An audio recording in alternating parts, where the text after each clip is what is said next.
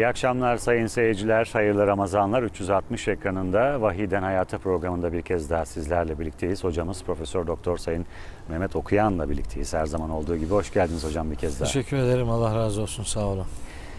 Ee, anlatmaya devam edeceğiz. Bu akşam da 15 dakikalık süremiz var. Neler sığdıracağız bakalım. Evet 15 dakikalık sürede 14. cüzü bir takım ayetleriyle kardeşlerimize hatırlatacağız. 14.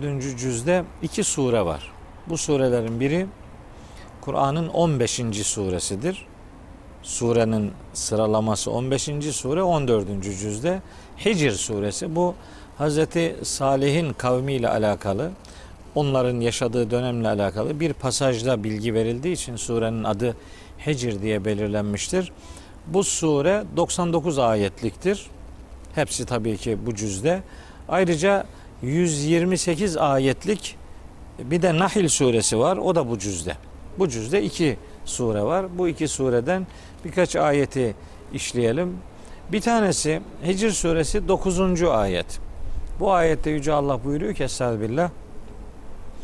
İnna nahnu nezzelne zikra ve inna lehu lehafizun. Bu zikri, bu öğüdü, bu gerçeği hatırlatan prensip kitabını biz indirdik ve elbette onun koruyucusu biziz. Bu şu demek. Allahu Teala indirdiği ilahi kelamı sahipleniyor ve onu insanların e, kendi algılarına, kendi meşguliyetlerine, kendi izanlarına terk etmiyor. Sebepler yaratıyor ve vahyini koruyor. Önceki vahiyleri koruyup kollamadığı noktasında bir soru zaman zaman soruluyor. Bu da Kur'an'ın korunmuş olması o vahiylerin de korunmuş olması anlamına geliyor. Yani o vahiyler adına kimin bir söylemi olacaksa o söylem Kur'an'dan referanslı hale getirilir. Dolayısıyla Kur'an'ın onayladığı esaslar o vahiylerin de korunmuş prensipleri olarak bilinir, öyle kabul edilir. Yani aslında kaybolup giden fazla bir şey yok. Çünkü Kur'an onların hepsinin mesajını, muhtevasını bünyesinde bulunduruyor, barındırıyor ve Allahu Teala vahyini sahipsizliğe, unutulmaya, şuraya buraya terk etmiyor. Bir söyleyeceğim ayet bu. Bir ayet daha var. Ee, belki genç kardeşlerimiz izliyorlarsa onlar için biraz e, yürek hareketlendirici bir mesajdır. O da 22. ayette çok enteresan bir şey söylüyor. Ben öteden beri Allahu Teala'nın bir vahyettiği kitabı olduğunu, bir de kainat kitabı olduğunu söylüyorum. İşte bu kainat kitabının içinde çeşitli ayetler var. Bu ayetlerden biri rüzgarlardır. 22. ayette buyuruyor ki Yüce Allah. Ve erselne riyaha levakiha. Biz rüzgarları aşılayıcılar olarak gönderdik. Rüzgarlar aşılayıcılardır. Rüzgarların aşılayıcılığı bazı alimler tarafından rüzgarların bulutları sevk edip birbirine pozitif yüklerle negatif yüklerin birleşip yağmur oluşması şeklinde yorumluyorlar ama onun için kullanılan kelimeler bu kelimeler değiller. Bu levakih kelimesi, telkih kelimesi birebir aşılamak demektir. Ve bu biyoloji kitaplarında genç kardeşlerimizin okuduğu, bildiği sporla üreme denen bir şey vardır. Rüzgar hücreleri, bitkilerin hücrelerini savurur sağa sola. O hücre birbirine denk hücreyle buluşur ve bu otlar, bitkiler meydana gelir. Bu kadar sayısız bitkinin yaratanı Allahu Teala'dır. Yaratma sistemi de rüzgarların aşılayıcılığı etkinliğine dayalı kılınmıştır. Öyle alakasız hücreler birbiriyle buluşmazlar. Lazım olan hücre lazım olduğu yere gider. İlahi kader, ilahi sistem, ilahi ölçü bu muhteşem dizaynı kainata yerleştirdiği bilgisiyle bize sesleniyor. Şimdi bu surede bir ayet daha okumalıyım. O da surenin 91. ayeti. 91. ayette Ellezine cealul Kur'an idin. Bazı insanlar vardı Kur'an'ı parça parça yaparlar diyor Allahu Teala. Kur'an'ı bölük pörçük ederler. Yani Kur'an'ın bir konuda söylediği bütün ayetleri değil de istediğine, işine gelene itibar ederek Kur'an'ın bir tarafını alır, diğer tarafını terk eder. Böyle vahyi parçalayan bir usul, bir üslup, bir yaklaşım ortaya koyarlar. Onlarla ilgili buyuruyor ki fevara فَوَرَبِّكَ لَنَسْأَلَنَّهُمْ اَجْمَعِينَ عَمَّا كَانُوا يَعْمَلُونَ Yemin olsun Rabbine ki bu adamlar Kur'an'ı böyle bölük pörçük yapıp işine geleni alıp işine gelmeyeni almayan, bazılarına iman edip bazılarını inkar eden, yani aklına estiği gibi savuran bu adamlara yaptıklarıyla ilgili olarak yemin olsun bunun hesabını soracağız diyor Allahu Teala. Biz Kur'an'ı sağa sola evirerek, çevirerek değil, Kur'an'ın dediklerini hayatımızda uygulayarak ona karşı yükümlülüğümüzü yerine getiririz. Zaten 94. ayette de fasda bima tu'mer. Emrolunduğun gereklileri neyse onları yerine getir. Emrolunduğun gibi davran. Festakim kema ümirte diye de bunun başka bir versiyonu var Hud suresinde. İnsandan istenen Allah'ın ondan istediği davranışlar neyse o davranışlara riayet ederek bir istikamet ortaya koymasıdır. Yalpalayan sağa sola e, ilgisini, bilgisini, davranışını, ahlakını başka taraflara doğru yönlendiren değil, Allah'ın istediği gibi düzgün bir duruş ortaya koymak Allah'ın bizden istediği davranış modelidir. Hicr suresinden bu ayetler aşağı yukarı hatırlatılabilir. Nahil suresi, Nahil bal arısı demektir. Bu surenin başlangıç bölümlerinde kainat kitabından çeşitli ayetler vardır. Gemilerden, hayvanların yaratılış gayelerinden, balıklardan tutun da güneşten, aydan, yıldızlardan, yeryüzündeki dağlardan, dağların yeryüzünün derinliklerine kadar çakılmış olmasından ve dağların bu dizaynının insanların savrulmamasını sağlayan bir e, ölçüt oluşundan söz eden mesajlar var. Daha sonraki bölümde ölüm anında insanların kötü insanların melekler tarafından sorgulanacağı ölürken iyi insanların selamlanacağı, onlara bir takım müjdeler e, ifade edileceğine dair bilgiler verilir. İlk grup ayetlerde 30'a kadar aşağı yukarı böyle gider. Daha sonra bu sureye adını veren bal arısı ile alakalı bir 2-3 ayetlik bölüm vardır. Çok enteresan. Allahu Teala diyor ki ve evha rabbuke ilen nahli Rabbin bal arısına vahyetti. Dedi ki enittehidi minel cibali buyuten. Dağlardan evler edin. Ve mineşşeceri ağaçlardan evler edin. Ve mimma ya'rişun insanların yaptığı çardaklardan evler edin. Peteklerden söz ediyor. Sümme külî min külli semerati. Her tür meyveden yiyin. Fesluki sübüle rabbiki zülüla. Rabbinin hayvanlara yani bal arısının emrine verdiği bütün yollardan git diyor. Nere kadar ulaşabiliyorsan git her meyveden al diyor bal arısına. Sonra yakrucu min butuniha şarabun bal arılarının karınlarından bir meşrubat çıkar. Muhtelifun elvanuhu renkleri değişik. Fihi şifaun linnas ve onda insanlar için şifa vardır. İşte bal. Burada çok enteresan bir şey söyleyeyim. Hani bunu Allahu Teala böyle söylüyor. E, çok sıradan bir cümle değil. Burada bal arısının bal yapan arının dişi arı olduğunu söylüyor. Dişi arı. Nahil dişi arı demektir.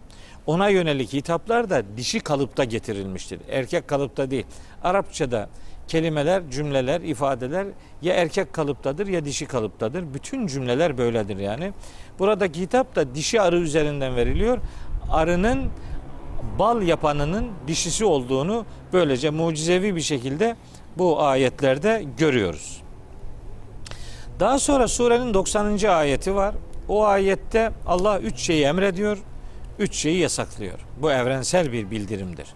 Emrettiği şey adalet, yakınlara bakmak ve iyilikte bulunmak. Allah innallaha ya'muru bil adli vel ihsani ve itaizil kurba.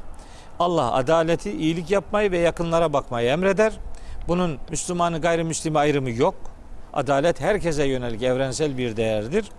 Ve enha Allah yasaklar anil fahşai çirkin şeylerden vel münkeri efendim e, gene e, insanların zararına olan kötü şeylerden vel bagyi ve azgınlıklardan da insanları yasaklar. Bunlardan behemhal uzak olmalarını onlara öğüt, öğütler.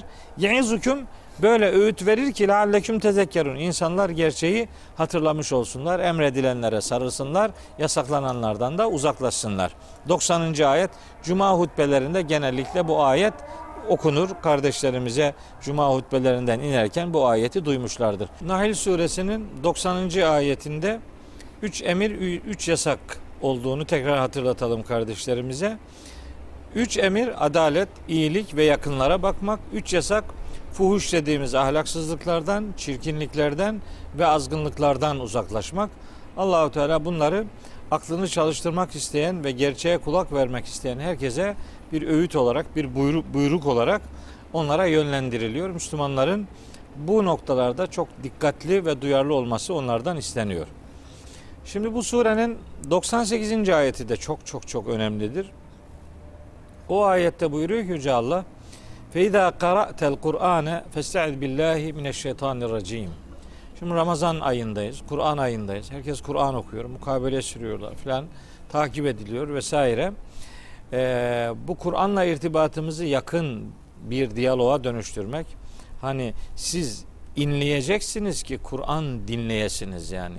Bir ihtiyaç ortaya koyacaksınız. Kur'an benim hayatıma nasıl müdahalelerde bulunacak? Acaba benim ihtiyacım nedir? Kur'an'ın çözümü nedir? O noktada Kur'an'la diyaloğunuz olacak. Onun için Kur'an'ı anlamanız lazım. İşte Kur'an'ı anlayarak okumaya kıraat derler. Kur'an kıraat edildiği zaman kovulmuş şeytandan Allah'a sığın diyor Rabbimiz. Bu şu demektir. Anlamadan Kur'an okuyorsanız şeytan sizinle fazla uğraşmaz. Nasıl olsa anlamıyorsunuz. Hani siz reçeteyi okuyorsunuz ama ilaç kullanmıyorsunuz. Sorun yok yani. İstediğin kadar okuyabilirsin. Öyle bir okuma hani bilgisayara bir program atarsınız. O da size günde 10 tane hatim indirebilir. Ama Kur'an okuduğu için bir yerinden gözyaşı döken bir elektronik cihaz henüz keşfedilmedi. Edilse de bir anlam ifade etmez. Kur'an yürekleri e, hoplatan, hayata yeni bir anlam kazandıran muhteşem bir e, ilahi prensipler bütünüdür. Onun için Kur'an kıraat edildiği zaman yani anlaşılarak okunduğu zaman şeytandan Allah'a sığın. Çünkü bir insan peygamber bile olsa şeytanın müdahalesinden Allah'ın yardımı olmadan kurtulamaz. O itibarla şeytanın yüreğini hoplatmak istiyorsak, onu korkutmak, patlatmak, çatlatmak istiyorsak Kur'an'ı anlayarak okuyacağız. Kur'an'ın tilavet edildiği zaman şeytan pek rahatsız olmaz ama kıraat edildiği zaman rahatsız olur. Onun için Allah'ın yardımını bu noktada hemen yanı başımızda görmek durumundayız ve Allah'a o manada sığınmak durumundayız. Hocam azıcık geriye döndürmek isterim sizi. Hani kulağımızın en aşina olduğu şu 40. ayet. 40 90 mı? 40. Evet. Hani siz 90'lara gittiniz ama 40 benim kulağıma çok böyle aşina olduğum bir ayet. Evet. Ol demesi ve olmasını anlatan. Çok kısa bir cümle ama o kadar derin ki. Ya öyle öyle o bir program 10 programlık bir soru Keremciğim ama madem sordun illa da ifade edeyim. Cenab-ı Hak buyuruyor ki biz bir şeyin olmasını istediğimiz zaman innema kavluna li şeyin İza aradinahu bir şeyin olmasını murad ettiğimiz zaman o şeyle ilgili bizim durumumuz sadece şudur. Nedir? En nekule lehu. O şeye biz deriz. Kün ol deriz. Feyekün o şey hemen oluşum sürecine girer, olmaya başlar. Bunun bir benzeri Yasin suresinde de var. Orada innema emruhu iza erade şeyen en yekule lehu kun feyekün. Allah'ın bir şeyin olmasını istediği zaman işi sadece o şey için ol demekten ibarettir. Allah ol der, oluşum süreci başlar. Herkes şöyle derler. Allah ol dedi her şey oldu. Öyle değil. Allah ol der, oluşum başlar. Çünkü kainat altı evrede yaratılmıştır. İnsanoğlunun yaratılış süreçleri vardır. Yaratılışta bir süreç vardır. Bu süreç feyekûn dediğimiz oluşumla alakalıdır. Ama feyekûn o ifadedeki f harfi hemen başlamak manasına gelir. Allah bir şey için ol dedi mi o hemen oluşum sürecine girer. Yani herhangi bir zaman aralığı söz konusu bile değildir. 40. ayet Yasin suresinin 82. ayetiyle de aynı konuyla ilişkili mesaj verir. Teşekkür ederim cevabınız Ee, için. rica ederim. Yine sonuna yaklaştık. Son dakikanın içindeyiz hocam. Aman aman Ee, ama bu öyle bir ayet okuyacağım ki bundan daha yok Kur'an'da. Bir tane Tamam, burada. Onunla bitirelim o zaman. Onunla bitirelim. Nahl suresi 116. ayet. Şimdi din adına konuşanlara sesleniyor. Bize. Ya da işte televizyon ekranlarında kardeşlerim izliyorlar Ramazan boyunca. Ramazandan sonra da izleyecekler. Şimdi şu ayeti e, her dinleyen neyi dinlediğini daha iyi anlamak ve konuşanın doğru mu yanlış mı konuştuğunu fark edebilmek için bakın ayetin uyarısına. Ve la tekulu lima tasifu elsinetukumul kezibe hâzâ halalun ve hâzâ haramun litefteru alallâhil kezib. Sakın ha dillerinizin yalan gelir nitelendirmesiyle şu helaldir bu haramdır demeyin. Allah'a yalan iftira edersiniz.